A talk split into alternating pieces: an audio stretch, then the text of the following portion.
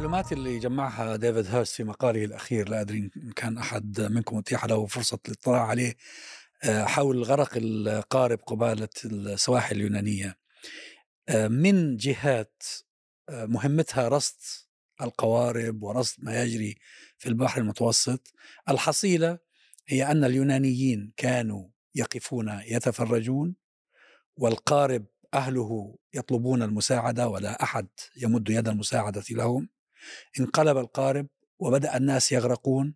بعد ثلاث ساعات بدأ اليونانيون يتحركون. لما حسوا بأنه فاجعة واضح واضح أنه في أوامر عليا أنه هدول الناس الأولى أن يغرقوا ولا يمد لهم أي يد مساعدة تعرف أبو ناجي لما طلع الخبر كان في خبر ملفت وهو بأنه اليونان نكست أعلامها حزنا يعني على على من غرقوا، أنا بمجرد أنه وصل هذا الخبر عرفت بأنه اليونان كانت ضليعة في غرق هذه السفينة. طبعا ومش بس هذا. ومحاولة لأجل يعني كبح جماح الهجمم المتوقع عليها عملت هذا العمل على أساس أنها حزنت لما يحصل. ادعوا إنهم جاءوا لينقذوا القارب واللاجئون الذين في القارب قالوا لا نريد مساعدتكم. يعني هو في حتى الشهود العيان من من الناجين وذكرت بعض التقارير الصحفية في ذلك أن الخفر السواحل اليوناني جاء وربط السفينة وبعدين فك الرباط. فك الحبل وهذا يعني أجت أوامر في هناك قصد بإغراق هؤلاء الناس حتى يكونوا عبرة لمن بعدهم بأنه ما أحد يغامر مرة أخرى ويحاول أن يقطع إلى إلى أوروبا يقطع البحر إلى أوروبا بهذه الطريقة. وللأسف الشديد يعني الآن أكثر من 500 آه، مفقود آه، في هذه العملية طبعا مع عدد كبير من القتلى والموتى من أجل أن هؤلاء للأسف الأنظمة السياسية الأوروبية التي تدعي الإنسانية لا تقيم أي وزن للإنسانية وتجعل هؤلاء الهاربين من بلادهم. من أنظمة يدعمها هذا الغرب. هذا الغرب نفسه. طبعا بالمناسبة الحقيقة وسائل التواصل الاجتماعي خلال اليومين هذه مشتعلة بقضية المقاربة بين قصة هذه الغواصة التي أخذت الخمسة المليارديرية في رحلة سياحية إلى قاع المحيط كي يشاهدوا آه، آثار التايتانيك سفينة التايتانيك التي غرقت قبل أكثر من 110 سنوات. آه، والتي الآن فقدت. فقدت والآن أظن نحن في الساعات الأخيرة لنفاذ الأكسجين. والإهتمام العالمي الإهتمام العالمي الولايات المتحدة الأمريكية حركت قواتها كندا حركت قواتها الأخبار حول العالم حول هؤلاء الخمسة وحياتهم ومن هم. طبعا كل واحد فيهم دافع 250 ألف دولار على هذا المقعد. كي يروح مقعد؟ جالسين على الأرض آه، نعم يعني مكان ضيق هي. طيب وبين ما حصل لهؤلاء المئات من اللاجئين من الغرق والعالم الذي يسمى المتحضر يتفرج ولا ولا يعبأ بهم. اليونان اليونان في الحقيقة هذه ليست أول مرة وليست المرة العشرة ولا المئة. ولن تكون الأخيرة. ولن تكون الأخيرة. اليونان تتصرف بعنصرية كبيرة جدا وأنا آه، شخصيا كان لدي اتصالات مع جزائريين واحد منهم حتى طلع معي لايف يعني وحدثني كيف تعاملوا معهم معاملة وحشية. بالنسبة الذين يقطعون ويصلون الأراضي اليونانية. إذا ما أمسكوه فيتأكد أنه سيتعرض للتعذيب والتعنيف والتعرية وفي كثير من الأحيان إلى الرمي مرة أخرى في البحر. وفي فيديوهات أنا شاهدتها وتابعتها حتى في الموضوع هذا قبل ثلاث سنوات. وما زالت موجودة الفيديوهات على كيف أنهم كانوا أحيانا يربطون الناس ويرموهم في البحر بمعنى آه، يغرق حتى يعني. آه، مع أنهم بنوا سياجات وبنوا ولكن ما زالت الناس تصل. لأن في نهاية المطاف الناس في أوطاننا في الأكثرية منها وفي الغالب هؤلاء بطبيعة الحال تقريبا 100% مسلمين هؤلاء الفارين في الغالب معظمهم يعني. معظمهم نعم. أو معظمهم يعني. والأغلبية أيضا من المنطقة العربية. يعني في 400 من محافظة درعا فقط. هذا من سوريا فقط نعم. وفي وفيها أعتقد أيضا من مصر في عدد معتبر وفي من تونس. من تونس هذا من جهة اليونان. طبعا إحنا يحدث من جهتنا من جهة إسبانيا وإيطاليا كوارث أخرى أيضا. ولا طبعا تقل. إيطاليا أيضا بنفس بوحشيه اليونان في استقبال اللاجئين. الفرق أنه في إيطاليا فيه فيه منظمات حقوقية تتحرك بواخر للحقوقيين وما بين إيطاليا وإسبانيا وفرنسا آه، وإلى حد ما مالطا. بينما من جانب اليونان الموضوع آه، أسوأ في الحقيقة. تعرف المصيبة أنه آه، هذه الأنظمة الأوروبية التي لا تريد لهؤلاء المهاجرين أن يصلوا إلى شواطئها هي جزء من المشكلة.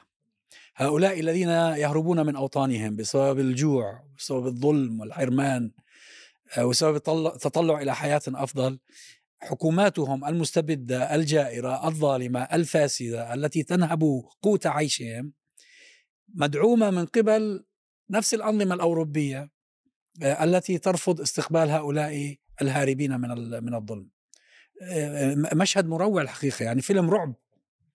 آه، وليس هذا فقط. الآن آخر أمس كان في حتى documentary في Channel 4 News بحقيقة يوجع القلب. قارب آخر طالع من تونس وغرق عدد كبير ممن كانوا عليه وبعضهم أنقذ. وفي التقرير عن علاقة قيس سعيد والتمويل الذي يتلقاه من الاتحاد الأوروبي والأموال التي تتسرب إلى المهربين تارة وإلى الذين يلاحقونهم تارة أخرى. يعني في اقتصاد كامل دورة اقتصادية كاملة نشأت بسبب هذا أنا أنا تعرف الذي حقيقة يصيب يصيبني بالرعب. هذا الذي يجد نفسه مضطرا للمغامرة بحياته والمغامرة بحياة أولاده. يعني تخيل كم حجم الظلم والكبت والقمع الذي يحاول هذا الإنسان البسيط المسكين ويتخلص من كل أملاكه ويقترض ويرهن ربما مستقبله كله لأجل هؤلاء المهربين فقط كي ينجو من هذا الظلم حتى وإن كان احتمالية موته وغرقه هو وأولاده أكبر من احتمالية نجاحه. تخيل هذا هذا المشهد يعني كم الحالة مروعة في في بلداننا بحيث الإنسان مستعد يا أخي يغامر بحياته ويقتل أولاده لكن بس المهم ينجو من هذا الوضع. وطبعا إضافة لما يعني تفضلتم به وكذا إنه المسألة دي كلها أنا في رأيي بتتسق. لأنه كان لو تذكروا قبل عدد من السنوات كان في دعوات مفتوحة إنه يتم فتح النار على ال على ال السفن والقوارب اللي اللي بتاتي اللي هي نتيجتها حتمية. لكن ما ما يحدث في في البحر إضافة لما ذكرت هو يكاد يخفي كذلك مأساة أخرى ما يحدث على جنوب الشواطئ الجنوبية للبحر الأبيض المتوسط. إنه نفس الدول في مجموعة الاتحاد الأوروبي ما كانت تستنكف إنه تقريبا في العام 2016 17 وقعت اتفاقية كانت اتفاقية فاليتا اللي هي عاصمة مالطا. ومن ضمن بنود الاتفاقية أو من ضمن مخرجات هذه الاتفاقية إنه أنت سلمت مسألة حراسة المنطقة الجنوبية للصحراء الكبرى لمنع الهجرة من مناطق النيجر ومالي. سلمتها إلى مرتزقة اللي هم الآن قوات الدعم السريع مثلا في السودان هي كانت شريك. عشان كده هم واحدة من الأشياء اللي بيبنوا عليها شرعيتهم بين قوسين إنه نحن كنا شركاء للمجتمع الدولي. فغير أنظمة الكبت والظلم والفساد اللي أنت أعطيتها شرعية ونوع من المكانة الدولية أنت الآن كذلك بنفس مسألة الهجرة هذه تدعم مختلف المرتزقة في في مناطق أخرى وديل ممكن يكون بيلعبوا أدوار مزدوجة لأنه ممكن يكونوا شركاء في التحريم نفسه يعني. حتى حتى الآن إذا نلاحظ إنه كثير من هذه الأنظمة الأوروبية هي تذهب إلى هذه الأنظمة القمعية في مصر وفي السودان وفي تونس وفي ليبيا وفي غيرها من الأماكن من أجل أن تعقد اتفاقيات هذه الاتفاقيات كيف يمنع أحيانا هذا ال هذا ال يعني التهجير أو هذا هذه الهجرات؟ وفي المقابل إنه يعني يقدمون الدعم لهذه الأنظمة اللي هي دعم سياسي واحيانا دعم مادي من أجل أن تبقى على الكراسي وهي أنظمة مكروهة من شعوبها بل هي أنظمة جاءت بغير الإرادة الشعبية. يعني في في نوع من نسميها نوع من القهر المزدوج. إنه أنت تدعم نظام يعني يضيق على الناس وفي معيشتهم في حياتهم في حرياتهم وفي كذلك تعمل مع اتفاقيات إنه أنت تقف حارس على الحدود. وطبعا لأنها أنظمة فاسدة وتعمل كما يقال تعمل بالقطعة. يعني بدفع.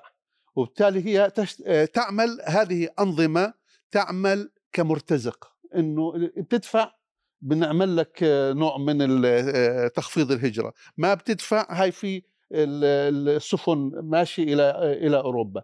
حتى إنه مثلا سمعت أنا السيسي في تصريحات أخيرة إنه هو قاعد بيهدد الغرب إنه إذا هو يعني ذهب أو فلت الحكم إيه، إنه ت- ت- 100 مليون مصري ممكن إنهم يهاجروا إلى إلى أوروبا. يعني آه، كما يقول عرب حشفا وسوء كيلا. يعني إنه أنا موجود وغصب عنكم وديكتاتور وبدوه الناس تموت من الجوع وإذا أنتم حاولتوا تدخلوا من من لا من وعليكم عليكم أن تشعروا بالامتنان أيوة. إني أنا جالس وأحكم بهذه الطريقة. والأكثر من ذلك شوف حتى بالمناسبة ذكرتنا في حميدتي حتى أبناء حفتر عاملين اتفاقيات مع مع الاتحاد الأوروبي من الجهة الشرقية ومن الجهة الغربية عاملينها مع ميليشيات آه، لي- لي- ليبيه آه، في في قضية لأن في ليبيا طبيعة الحال الموضوع أكبر بكثير. في تونس بصريح العبارة يقولون لقيس سعيد أن دورك هو أن تكون آه، حارسا.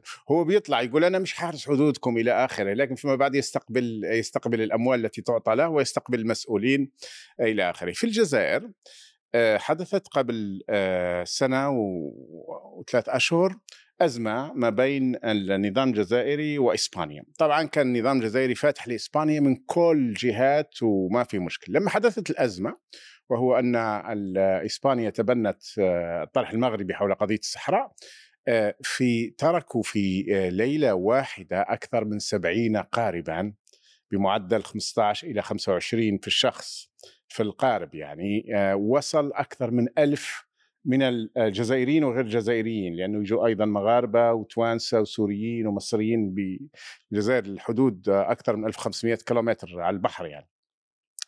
فبيستخدموها يعني كطريقة في لكن أكبر إحنا لدينا معلومات دقيقة الآن وأنا تحدثت في هذا الموضوع منذ سنوات طويلة إحنا صارت مآسي للجزائريين يعني آلاف الجزائريين وغير الجزائريين غرقوا وهم آه، يذهبون إلى إيطاليا أو إلى إسبانيا. حدود ما بين الجزائر وإيطاليا وإسبانيا في الجهتين هي حوالي 200 كيلومتر. مع الآن هذه ال GPS وال في بواخر شوية سريعة إلى آخره يعني ممكن يعملوها في ست ساعات إلى 24 ساعة حسب ال حسب ال الإمكانيات. آه، ف- يعني في مسؤولين كبار في البحرية الجزائرية وفي الدرك الوطني يقومون ويشرفون على عملية تهريب إذا دفعت بيسمحوا لك المرور أو حتى بيساعدوك على التنظيم. إذا لم تدفع يغرقوك. في فيديوهات للبحرية الجزائرية العسكرية وهي تغرق في جزائريين تصور تغرق. من 2014 غرق حسب ما قال ديفيد هيرست غرق في البحر المتوسط ما لا يقل عن 25 ألف مهاجر. هذا على على أقل تقدير. هل هل يمكن آه، هو- يمكن إنه مثلا الحادثة الأخيرة اللي أمام اليونان إنه يكون في هناك تحرك أمام محاكم آه، دولية لمقاضاة مثل هذه الدول؟ يعني واضح أن ال- الغرق القارب الأخير أمام سواحل اليونان كجريمة متعمدة يعني جريمة عن سبق الإصرار آه، بإغراق هؤلاء تتحرك الناس جهات آه، فهل مفروض. يمكن لجهات حقوقية أو في مراكز كذا. انه يمكن رفع قضايا على مثل هذه لأنه في منظمات كانت بترصد تحرك القارب وما حوله في المنطقة وأكدت المعلومات اللي جاءت في مقال ديفيد من أنه آه ثلاث ساعات وهم بيطلبوا ال- النجدة والقارب واقف واقف يتفرج عليهم إلى أن بدأوا يغرقون. بس في في رواية لسه أكثر آه، مرعبة أكثر إنه هو ربطوا القارب كما جاء في بعض حتى الشهادات حتى يسحبوه بعدين, وبعدين سحبوه وبعدين صارت القارب ال- ال- الخ- يسير بطريقة التوائية بحيث بدأ يهتز يعني كأنه في في تقصد بإغراق القارب. وثم قطعوا الحبل وهذاك بدأ يهتز ثم بدأ يغرق. يعني هذه هذه ال- المعلومات أن طبعا أن هذا قتل مع سابق ال- ال- الترصد يعني قتل 500 بني آدم إنسان بريء هم وأولاد وأطفال ونساء. قتلهم بهذه الطريقة الهمجية؟ تعرف تعرف أنا اتذكر بالزمانات كنت أمارس مهنة الترجمة الترجمة الفورية فكان يطلب مني أحيانا أني أذهب إلى بعض السجون حيث عندهم آه، يعني العرب اللي ما يتكلمون اللغة الانجليزيه فأذهب. فأذكر إلى الآن ذهبت إلى مدينة هل. مدينة هل اللي في في الشمال الشرق اللي هي مر- مرفأ وميناء.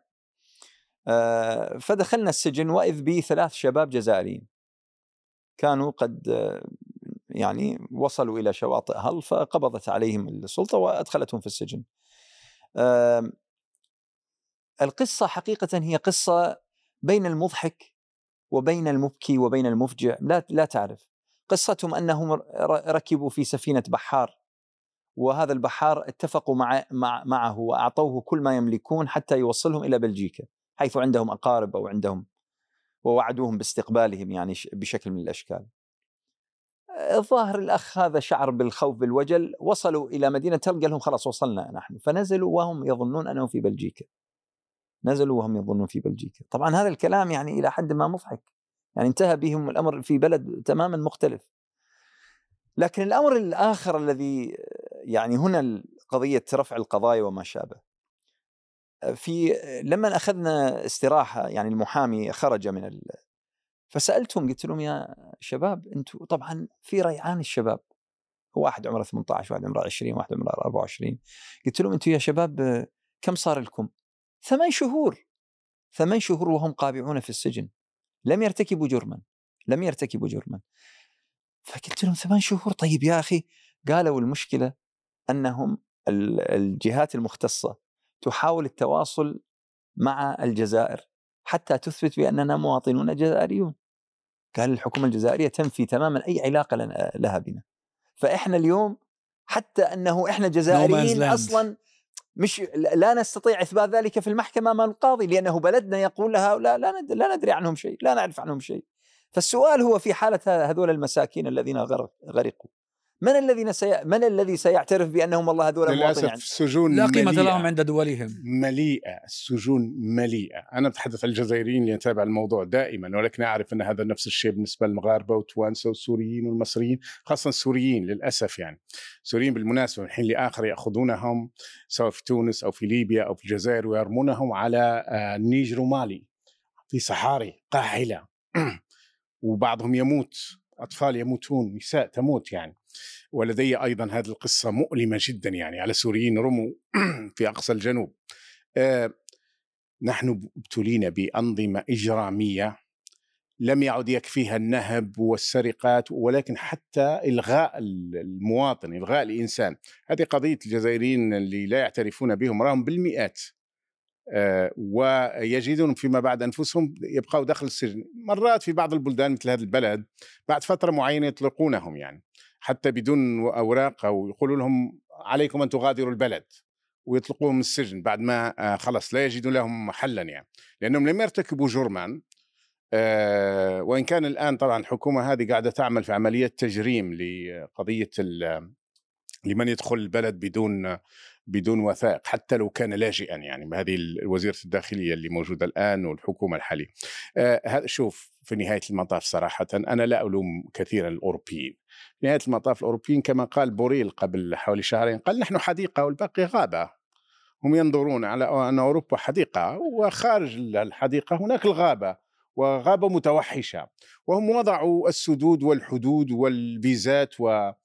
لكن هذه الأنظمة التي تحكمنا لم تكتفي بالنهب لم تكتفي بالسيطرة والاستبداد إنما ذهبت آه، أيضا لتدفع الناس إلى إلى إلى الهروب وأحيانا إلى الموت في البحار ويذهبون لعلكم بعض منكم تابع آه، زيارة تبون إلى موسكو ويتذلل أمامه ويقول نحن آه، شكرا لروسيا التي تصون استقلالنا وحريتنا. في تذلل أشعر الجزائريين بألم شديد جدا يعني عجيب أن يصدر هذا من شخص شعبه ناضل وقدم ملايين الشهداء للتخلص من الاستعمار الفرنسي. كيف يقول هذا الكلام؟ قال هذا الكلام وقال وقال كلام آخر مشابه فيه تذلل وفيه ضياع تشعر بأنه أمام بوتين. بوتين الذي يغرق بوتين الذي بدأت هناك حتى داخل روسيا ناس تغضب.